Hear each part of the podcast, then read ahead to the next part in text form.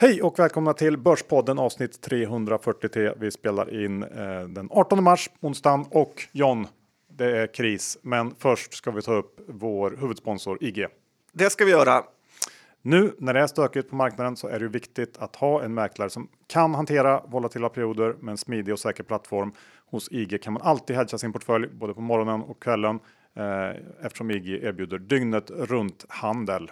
Ja, verkligen. Och eh, man ska ge dem fem stjärnor för deras driftsäkerhet i de här extremt oroliga tiderna. Ja, IG erbjuder också kundservice dygnet runt och de har väldigt kort svarstid. Eh, IG hälsar också att det inte går att förlora mer än sitt insatta kapital. Så kom igång på ig.com. John, idag kommer vi såklart gå igenom vad som har hänt eh, i coronakrisen sista veckan. Kommer vi också snacka bolag, även om det kanske kan kännas ibland lite nästan meningslöst att gå igenom eh, vad som händer på bolagsnivå. Men det är det ju inte. Nej, hade jag bott kvar i Umeå så hade jag sagt helvete så dåligt det går nu. Ska man förlora allting Johan? Det är ju väldigt eh, tråkigt just nu på börsen att vara investerare, men eh, det hjälper ju inte att bara sitta och tjura. Nej, så är det. Innan vi kör igång så är vi också sponsrade av Saver. Ni vet den nya fondplattformen som erbjuder samma fonder upp till halva avgiften. Saver jobbar hela tiden med att uppdatera och förbättra plattformen och i dagarna lanserades ett helt nytt gränssnitt som ser riktigt, riktigt bra ut och ännu enklare att navigera i.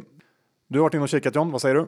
Jag tycker att det är en väldigt bra plattform och det kan ju vara ett eh, fantastiskt läge att börja ett långsiktigt sparande med väldigt låga avgifter just nu. Så är det. Saver fokuserar ju på aktivt förvaltade fonder och det är något som vi verkligen gillar och det är ju nu när det stormar på världens börser som aktivt förvaltade fonder har möjlighet att utnyttja läget och skapa avkastning. Så passa på att eh, utnyttja den här nedgången på bästa sätt genom att öppna ett konto hos Saver och starta ett sparande. Så gå in och kika på deras fondbutik www.saver.com och det är då savr.com.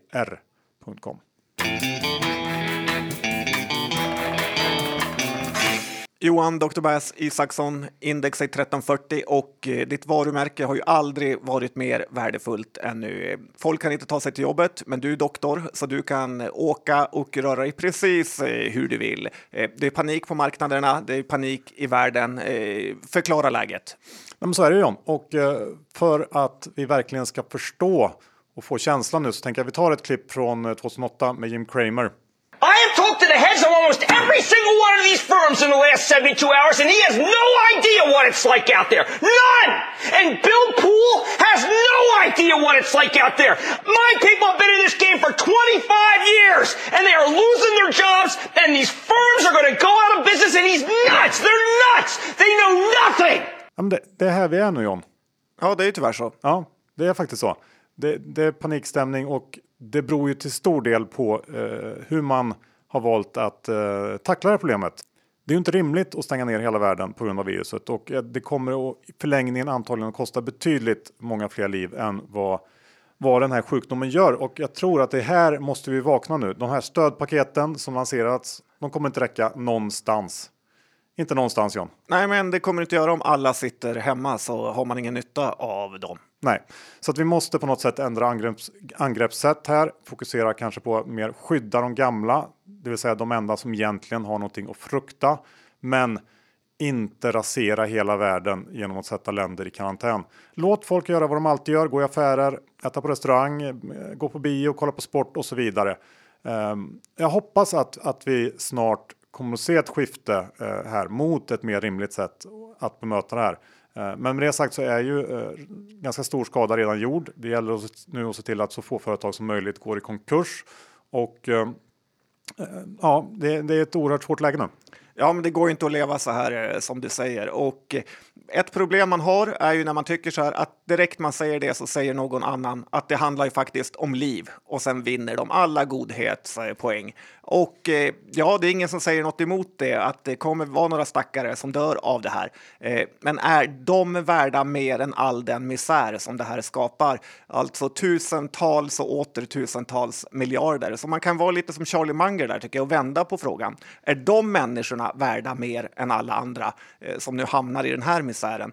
Eh, jag tror att eh, oavsett om man vill det eller inte så kommer man tvingas inse eh, att det blir så här. Att vi får se det här viruset snarare som en del av ett terrordåd. Att det är väldigt dåligt för när det händer och vi ska såklart försöka skydda oss så bra man kan. Men vi kan inte bygga hela våra liv kring det här för då kommer ingenting att fungera och dessutom finns det inte pengar till att hålla på så här i längden. Nej, så är det. Så att det är, ju snabbare man inser det, desto bättre helt enkelt. Sen ska man också komma ihåg att de här sakerna förändras ju oerhört snabbt just nu. Eh, nu så bombas vi varje dag med negativa nyheter om varsel, vinstvarningar, um, länder som stänger ner och så vidare. Och um, det är ju faktiskt också uppenbart för precis alla vilken katastrof det här är för ekonomin. Vilken idiot som helst kan ju förstå det. Um, och här tycker jag att det finns en en skillnad mot eh, om vi går tillbaks till finanskrisen 08 där. I alla fall jag förstod inte förrän nästan var över vilka risker som faktiskt fanns där. Och att det här viruset då är så extremt enkelt att greppa och, och få se. Man, alla ser nu hur, hur världen stänger ner. Um, det tror jag också är en förklaring till det här historiskt snabba fallet vi har sett på börsen. Men man ska också komma ihåg allt det här att um, det här extremt negativa sentimentet kombinerat då med att det finns massor, massor av aktier som tappat 50, 60, till och med 70 procent på en månad. Ehm, det gör ju att, att ehm, det finns ju lägen också, kan man komma ihåg. Ja, verkligen. Trots all skit. Vet du vad jag skulle vilja kalla det här Johan? Stefan Ingves-traden, att eh, eh, ligga behind the curve. Alltså om man nu läser allt det här som du drar upp eh, och eh, sen funderar man vilka bolag man ska köpa under den här krisen och sen kommer man fram till att ICA, Axfood eller läkemedel, att eh, det är de man ska ha. Så kan jag säga att det är redan för sent förmodligen. Eh, börsen har ju kraschat och många bolag har ju kraschat med ja, 30-40 procent som du sa medan då ICA har gått upp. Den här traden skulle du ha gjort innan. Eh, nu ska, ska man ju leta de här bolagen som har gått ner mycket och eh, de här problemen är ju förmodligen tillfälliga, eh, även om det inte känns så nu. Och eh, om det här inte är tillfälligt så är ju världen slut ändå och det har det inte varit hittills. Så att eh, man ska nog ändå leta bland de utbombade bolagen. Eller vad säger du? Nej, jag håller med eh, och se till då att de bolag du eventuellt väljer att köpa eh, har en balansräkning som, som gör att de kan hålla ut ett tag. Eh, för att det kommer ju bli tuffa tider, ännu tuffare än vad vi, vad vi ser nu. Ja, verk, verkligen, för du kommer aldrig bli rik om du till exempel köper Bactiguard nu efter de har fått lite order på va, och den aktien har ju rusat upp. Och man ska ju såklart försöka undvika de här bolagen som är en så kallad, som det här har varit en game changer för, alltså att de permanent kommer värderas lägre eh, framöver av olika anledningar. Till exempel som jag kan tänka mig cruise lines, att folk har förstått hur mycket risk det finns eh, både med bolagen och att kanske åka på kryssningarna. Eh, och även att det är enorma nyemissioner som kan behövas. Eller de här enfastighetsbolagen eh, eller andra typer av bolag där intjäningen både kan vara lägre kombinerat med p-talsvärderingen har tagit eh, permanent eh, skada, alltså att eh, ja, p-talet inte kommer gå upp. Och eh, sen snackas det mycket om det kommer bli en sån V eller U-formad återhämtning. Eh, och det är egentligen bara en skillnad i tid eh, för i min, hur jag tänker så tror jag att vi är ganska långt ner i det här första benet då. Och det är mycket möjligt att vi kommer fortsätta längre ner i V1 eller U1 innan all smärta är tagen. Dock ska man ju komma ihåg att även fast man ligger rejält eh, snett eh, om man köper för tidigt så brukar man ändå rätt snabbt komma in the money när det vänder upp för att då går det fort upp från eh, botten. Och det är ju stor skillnad att köpa aktier vid 1300 på index än vid 1900. Jag håller med om. Eh, I sådana här kriser så brukar man ofta se att någon riktigt stor spelare går under. Man kanske kan se det som ett offer för att krisen ska på något sätt ta slut. Eh, hur ser du på det? Ja, men vi måste faktiskt eh, ha ett offer till den här krisen. Och jag har letat eh, fram, tittar man historiskt så har du ju Krügerkraschen. Han fick, eh, hans karriär tog slut där. Vi hade ju Penser och ett helt andra gäng fastighetsgubbar som gick under på 90-talet. kan man säga Birgersson, Holstein, kombinationen 00-talet och så hade vi Mats O som blev väl eh, Sundqvist då, som blev frontfiguren för 08-09. Eh, och med den här teorin då så behöver vi ett nytt offer till eh, börsguden innan vi kan gå vidare. Jag skulle säga att det finns tre personer här i Sverige att välja på. Och vill du höra dem?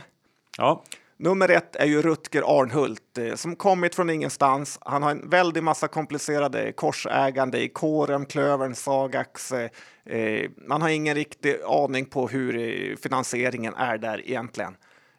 Kandidat nummer två har vi ju faktiskt Ilja.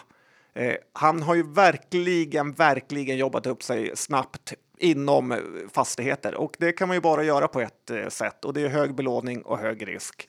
Citat eh, som han har själv sagt är att han ser på risk annorlunda gör ju att han är en självklar kandidat eh, på den här listan. Och eh, slutligen har vi en kille Johan, kan du gissa vem det kan vara?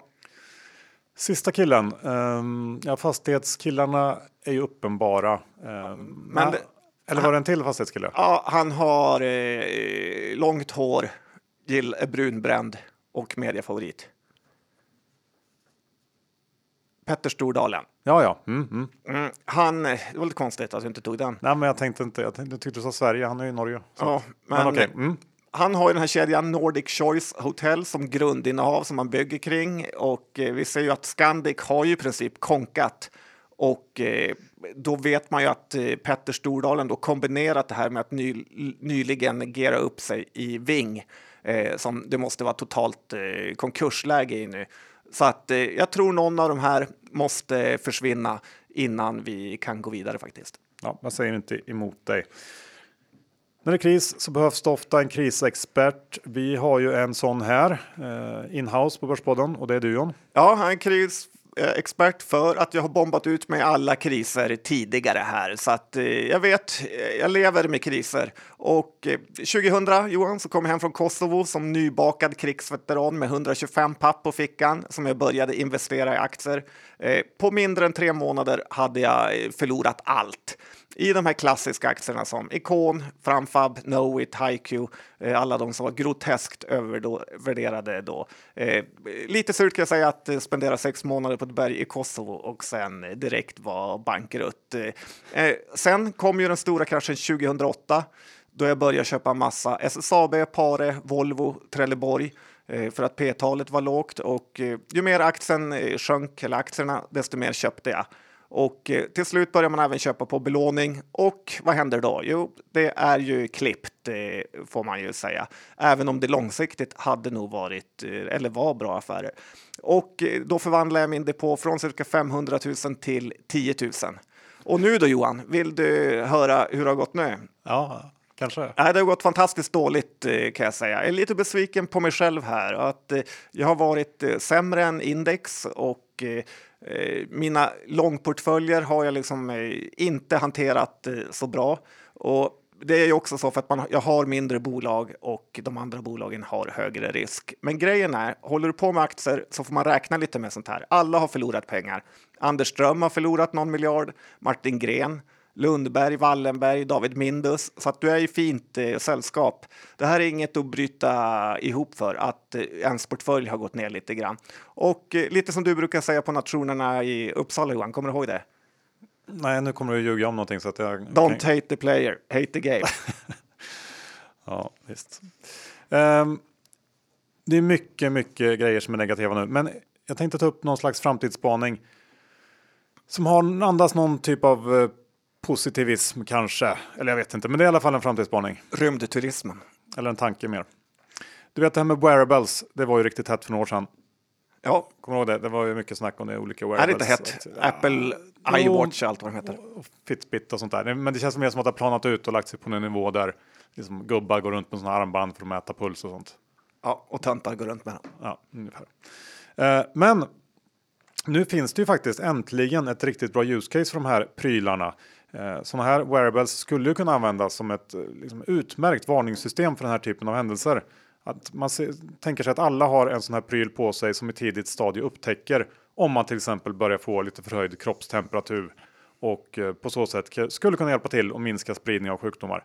Skulle kunna vara något. Ja, faktiskt. Ja. kul att, att de här värdelösa grejerna äntligen har fått relevans. Fast det finns ingenstans att åka till när man väl har fått förhöjd feber. Då får man åka hem och dö i Ja, sitt hem. får man ju vara hemma då bara. Det är som så här laxarna, man vandrar upp efter fjorden, sen dog man. Ja, nu går vi tillbaks till det negativa igen. Eh, utdelningar som ställs in är ju, eh, har ju börjat bli, ja vad ska man säga, någonting som hör till vanligheten. Ja, faktiskt. Och eh, det fick mig att tänka på att vi måste börja införa det här med kvartalsutdelning i Sverige. Jag tror det skulle gynna både aktieägarna men även bolagen. För att bolagen, eh, de behöver de här pengarna så att det är bra att de håller inne på dem just nu. Eh, men det är också lite för att de har räknat med de här pengarna eh, som en liten säkerhetsbuffert ändå.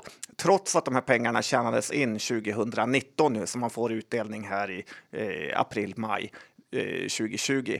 Och grejen är ju också att de måste ju betala ut allt på ett bräde. Då blir det väldigt mycket kännbarare i balansräkningen än om man portionerar ut dem över året.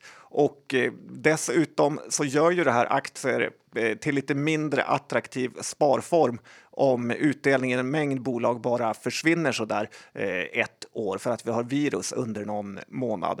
Eh, jag tror också att det kan bli mindre impact eh, eh, om man bara pausar det något kvartal eller så. Så att det finns ingen nackdel egentligen med att eh, införa kvartalsutdelning.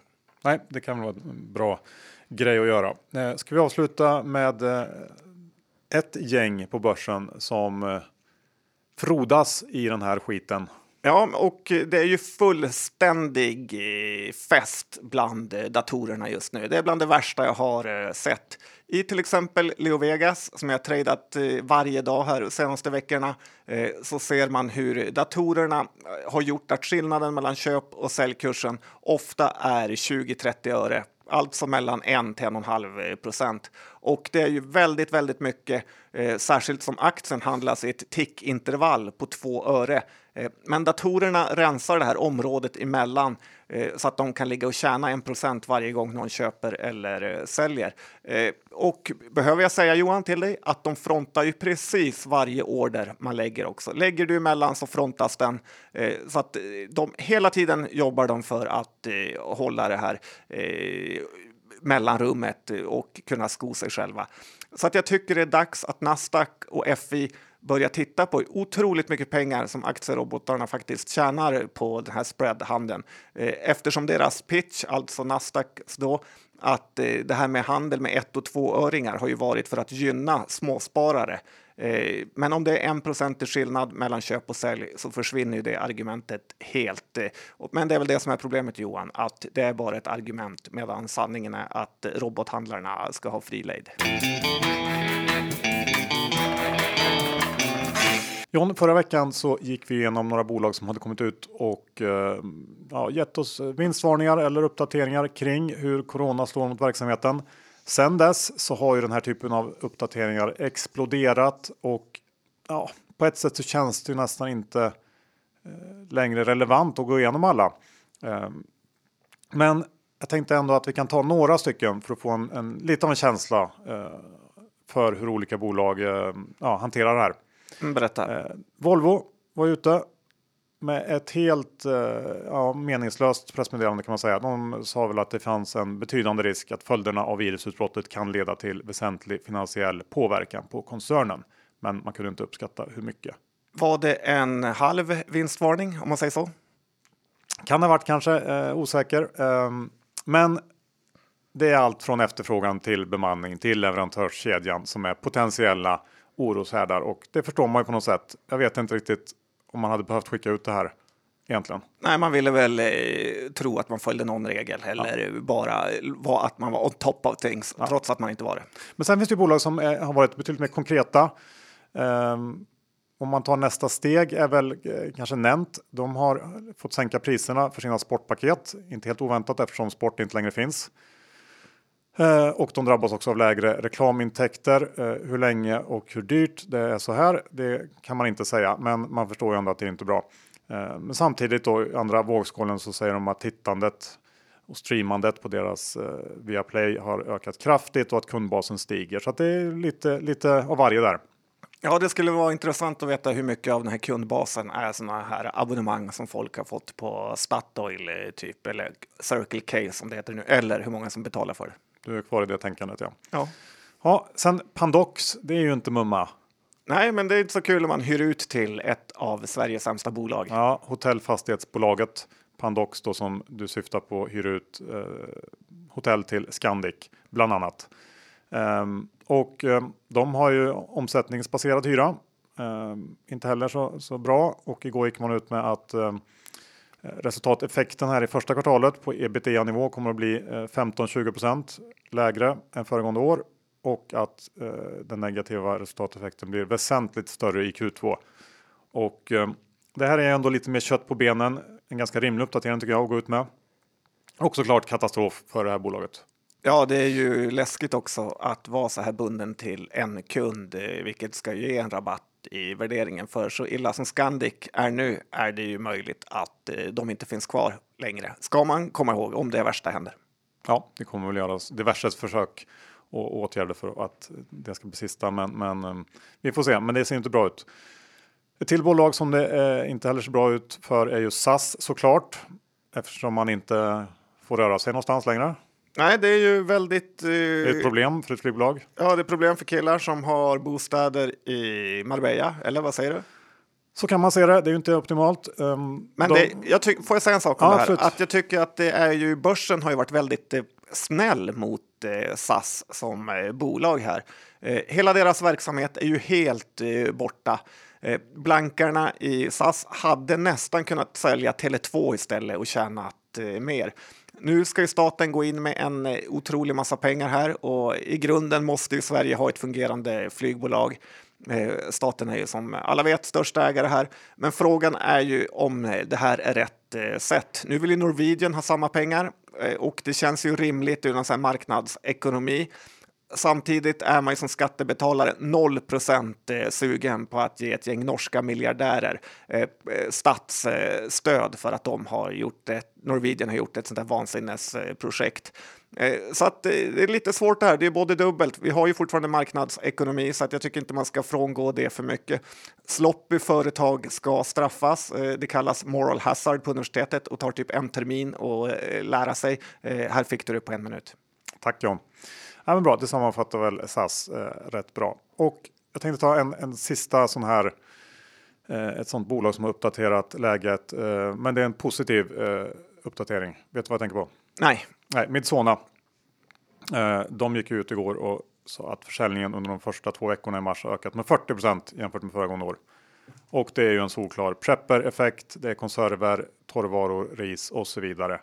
Aktien gick upp nästan 20% på det. Ehm, ja, jag var faktiskt och handla på Ica och skulle hitta lite krossade tomater så var allt annat slut utom Midsonas eh, extremt överprissatta ekologiska så att jag fick ta två burkar av dem. Eh, du har ju också i den här sektorn Europris har ju också uppdaterat och sagt att det har gått bra.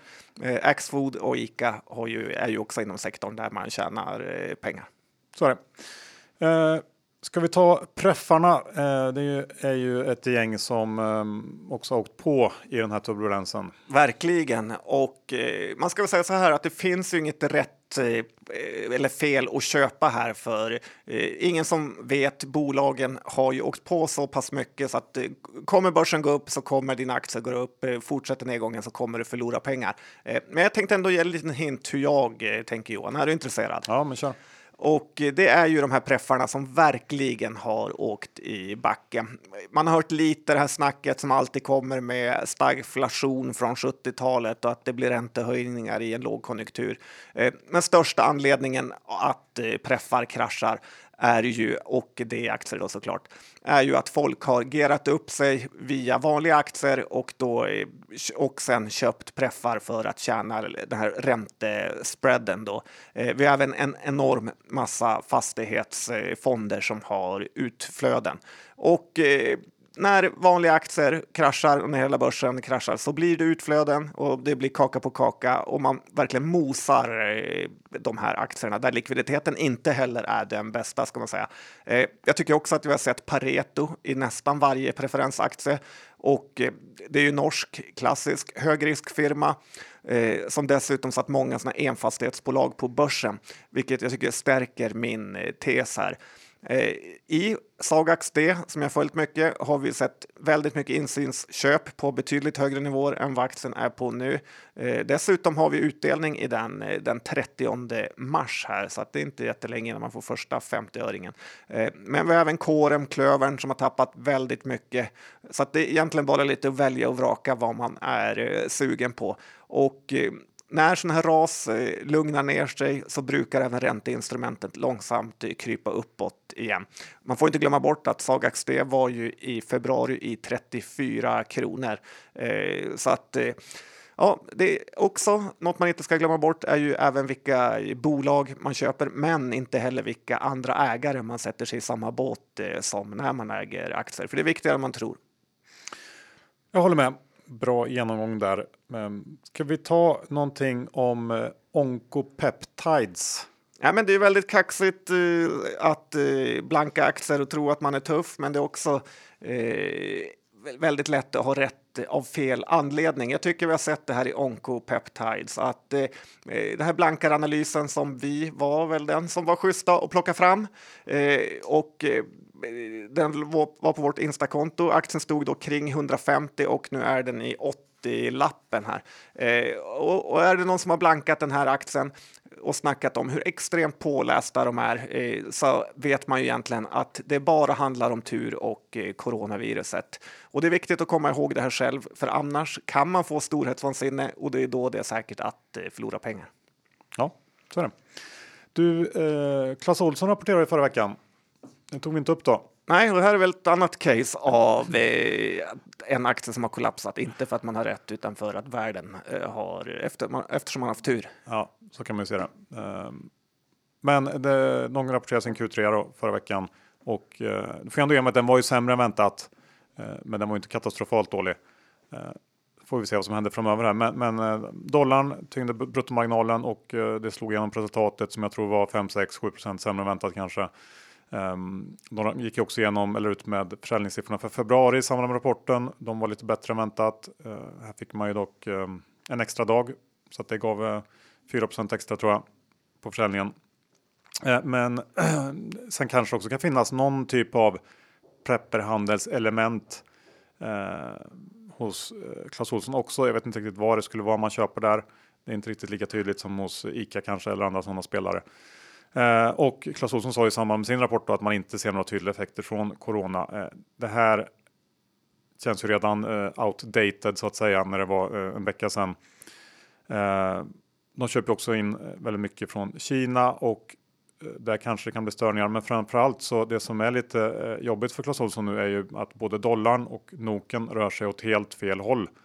Eh, norska kronan eh, är ju en bra bit under kronan nu. Eh, ner en 10-11 procent sedan årsskiftet. Och eh, att, givet att Clas Ohlson har väldigt stor försäljning i landet så är det illa. Eh, man kan läsa i årsredovisningen att 5 lägre NOK slår med 100 miljoner på årsbasis på resultatet och nu är det ju då drygt det dubbla det så att det är ju jobbigt och sen så köper man in i dollar som har blivit dyrare. Men med det sagt så har jag täckt min kortning Clas Ohlson under det här raset och för tidigt därtill. Eh, så att jag, jag har faktiskt ingen position här för första gången på länge. Eh, tycker nog många är skönt för då slipper de höra om det så mycket mer.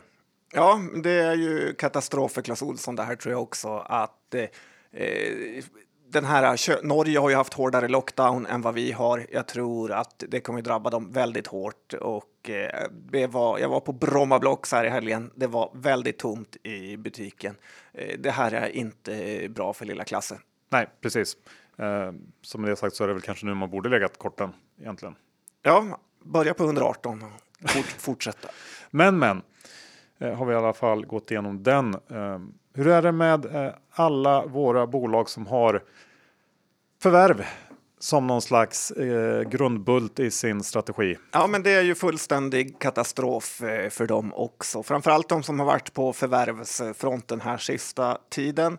Eh, vi kan väl börja med kanske ett av de klassiska, Catena Media, Johan. Den är ju inte mycket värde kvar på den aktiekursen. Den är ju kring ja, under 10 lappen rejält nu. Ja. Och då är ju ett bolag helt byggt eh, på förvärv. Momentum Group som köpte Swedol ångrar sig nog rätt duktigt också just nu. Det var inte en bra affär. Eh, Nordic Capital som köpte Consiliums skepps, skeppsskyddsutrustning måste ju må otroligt dåligt nu när varenda rederi är konkursmässigt. Eh, SBB köpte Hemfosa eh, och den aktien har ju åkt rakt ner i backen. MQs köp av Joy eh, som idag faktiskt eh, går i konken är inte kul. Och eh, så att det är otroligt lätt att gå fel i den här förvärvshetsen. Organisk tillväxt är något man verkligen ska betala upp för. Organisk eh, förvärvsinriktad tillväxt är, ska vara mycket, mycket billigare. Ja, det håller jag med om. Sen tänkte jag ta och gå in lite mer på Millicom eller Tigo som de nu heter som vi pratade kort om förra veckan eh, och sa att den hade gått ner mycket. Eh, men då visste vi inte vad som skulle komma. Nej, sen dess så har väl aktien tappat makalösa 40 ungefär. Give or take. Det rör sig kraftigt så det kanske är mindre eller mer just nu när vi spelar in. Eh, men det här är alltså en, en teleoperatör vi pratar om ändå. Hyfsat stabila insekter, eh, hyfsat stabila intäkter. Det var någon som sa till oss att den absolut sista räkningen man betal, slutar att betala är just sin telefonräkning. Och, eh, så det är lite oroväckande att det är just den de har lagt av och betala. ja, men jag tänkte att vi kan ta en lite, lite mer noggrann titt på vad man kan tänka sig oroar marknaden när det gäller Millicom. Eh, på intäktssidan så har man ju en del eh, kontantkort fortfarande. Det är fortfarande stort i Sydamerika såklart. Eh, och där kan man ju ändå gissa att man absolut kommer se en, en påverkan. Det är ju inte riktigt, det kan man ju enklare skita i och köpa ett nytt kontantkort än att betala sin räkning. Eh, men bolaget gick ut faktiskt med en lägesuppdatering igår eh, där man meddela att än så länge så har det inte synts någon påverkan i siffrorna på grund av corona, men det, det, jag vet inte riktigt hur mycket vikt man ska lägga vid det. Eh, men det som är lite mer intressant kanske när det gäller Millicom är väl den del som rör eh, valutor och balansräkning. Och det stora, den stora påverkan eh, så här långt kommer från Colombia, för det, Colombia är ju en stor eh, oljenation, eh, stor exportör av olja och efter den senaste tiden då action på oljemarknaden så har den colombianska peson tappat med 20% mot dollarn eh, samtidigt som jag tror ungefär 15% av Millicoms kassaflöde kommer just från Colombia. Såklart inte bra, men vad ger det? Ja, en negativ påverkan på några procent Min nuvarande växelkurs för bolaget kan såklart bli, bli värre, men eh, det i sig är ju ingenting som kommer att sänka Millicom och tittar man på balansräkningen så har de precis som alla andra teleoperatörer en en rejäl nettoskuld.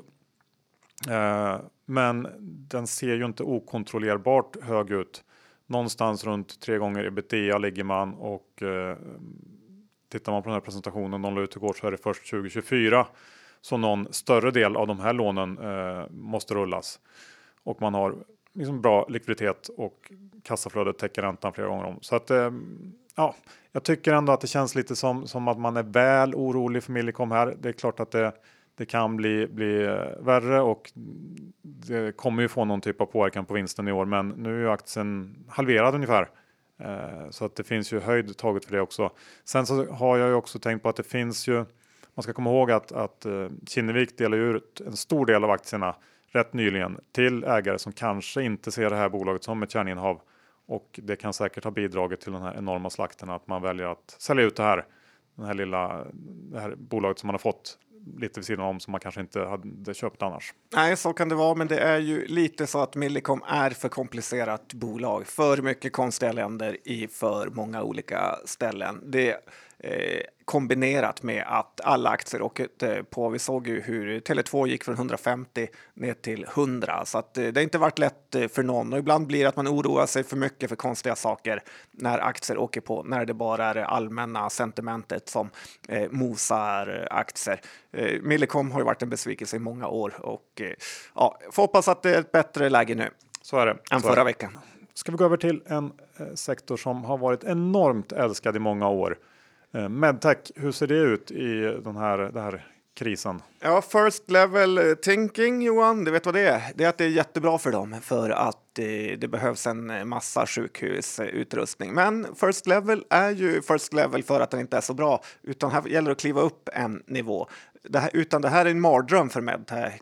Techbolagen, Alla sjukhus och inköpare och höga chefer eh, har bara ett enda fokus nu och det är ju såklart det här förbannade viruset. Eh, det är inte lätt att ringa upp och säga att man har lite nya prylar att sälja, för ingen kommer lyssna. Eh, dessutom så går ju hela budgeterna till det här.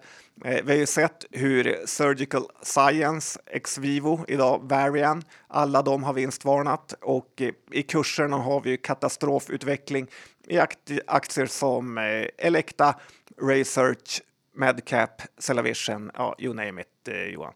Hörru att jag höll på att säga aktier. Det är, de personerna eh, hatar jag mer än allt annat. Tur att du inte gjorde det. Mm. Nej, men jag håller med. Det är ju tufft såklart just nu inte så mycket att säga om, även om man kanske ibland ska lyfta blicken lite grann också. Ja, men ska vi lyfta till en spaning från Instagram, Johan? Ja. Och eh, det är ju Balco. Jag är lite eh, förtjust i den här aktien och jag undrar om inte balkongen kommer få ett uppsving framöver. Varenda Insta-video man ser så är det ju hur italienare står på sina balkonger och gör något mysigt ihop. Dessutom i en lägenhet utan en balkong om man hamnar i sån här karantän måste ju vara värre än, ja, det måste vara det värsta. Att då istället eh, sitta i en sån här megastor balkong, inglasad, krispig, eh, kanske ta en cigarett när titta på när jorden går under. Eh, så att jag tror långsiktigt det här, det, det här kan faktiskt vara en bra grej för Balco, eh, även om det kommer vara väldigt eh, trögt eh, framöver. Balco har lång, lång väg ner till sina sämsta nivåer så att det är inget fynd än. Men det kan ändå vara något att ha på bevakningslistan. Känner jag att du, om det fortsätter att gå mindre bra för dig, ännu sämre. Ja, så känner jag att du har en karriär som Balco-säljare framför dig. Ja, ni får gärna ringa. Jag kan all hela tiden. Ja. Bra. Eh, ska vi kanske avsluta med Cloetta? Gör det rätta Johan. Stäng lösgodiset. Varför låtsas alla att eh, de är så goda? Jag tycker eftersom Cloetta vägrar göra det själva så borde Hälsomyndigheten eller alla bolag eh, som säljer eh, den här virusinfektionshärden eh, självmant välja att stänga sitt eh, lösgodis. Så vi har ju precis i början av avsnittet argumenterat för att vi måste öppna upp allting. Mm, men just de där lådorna kan vi tejpa igen ett tag. Ja, jag har vänt helt nu. Jag tycker man ska kan få se en bild när du äter sura nappar. Ja, Tjuvtar. Ja. Du och Göran Persson. Slut på avsnitt 343. Vi tackar IG, vår huvudsponsor. Gå in på ig.com, öppna ett konto och ja. Ja, men det känns det fel att inte ha flera konton under den här oroliga tiden när applikationer kan gå upp och ner. Du måste vara redo för krig varje dag. Så är det och någonting man absolut ska se till att eh, fixa nu i den här eh, marknaden är ju att öppna ett konto på Saver och eh, gå in. Se till att ta del av de här fonderna som är exakt likadana som de du hittar på alla andra ställen, men upp till halva avgiften. Ehm, nu är ett perfekt läge att faktiskt byta över dit. Ja, det är ju inget att tveka på och som du säger, börsen har gått ner mycket, kan vara väldigt bra läge att börja spara. Det också. Så gå in på www.saver, stavas alltså S-A-V-R.com. Yes. Ja, hur är det min innehav idag John? Ja, det är lite rörigt när börsen svänger så här och man panikerar och hoppar in och ut hela tiden. Eh, kan du inte börja så jag får samla mig en sekund? Ja, eh, jag har köpt lite Millicom sista dagarna. Men som du säger, det rör sig så snabbt nu så att det är ju en, ska man säga, en tradingposition. Um, den kan gå både upp och ner i storlek och försvinna helt från portföljen. Jag vet inte. Ja, jag har också lite, lite Millicom. Jag har eh, lite Sagax D-aktier också faktiskt. Eh, så att ja, trada lugnt där ute. Ja, vi hörs om en vecka igen. Det gör vi. Hej då!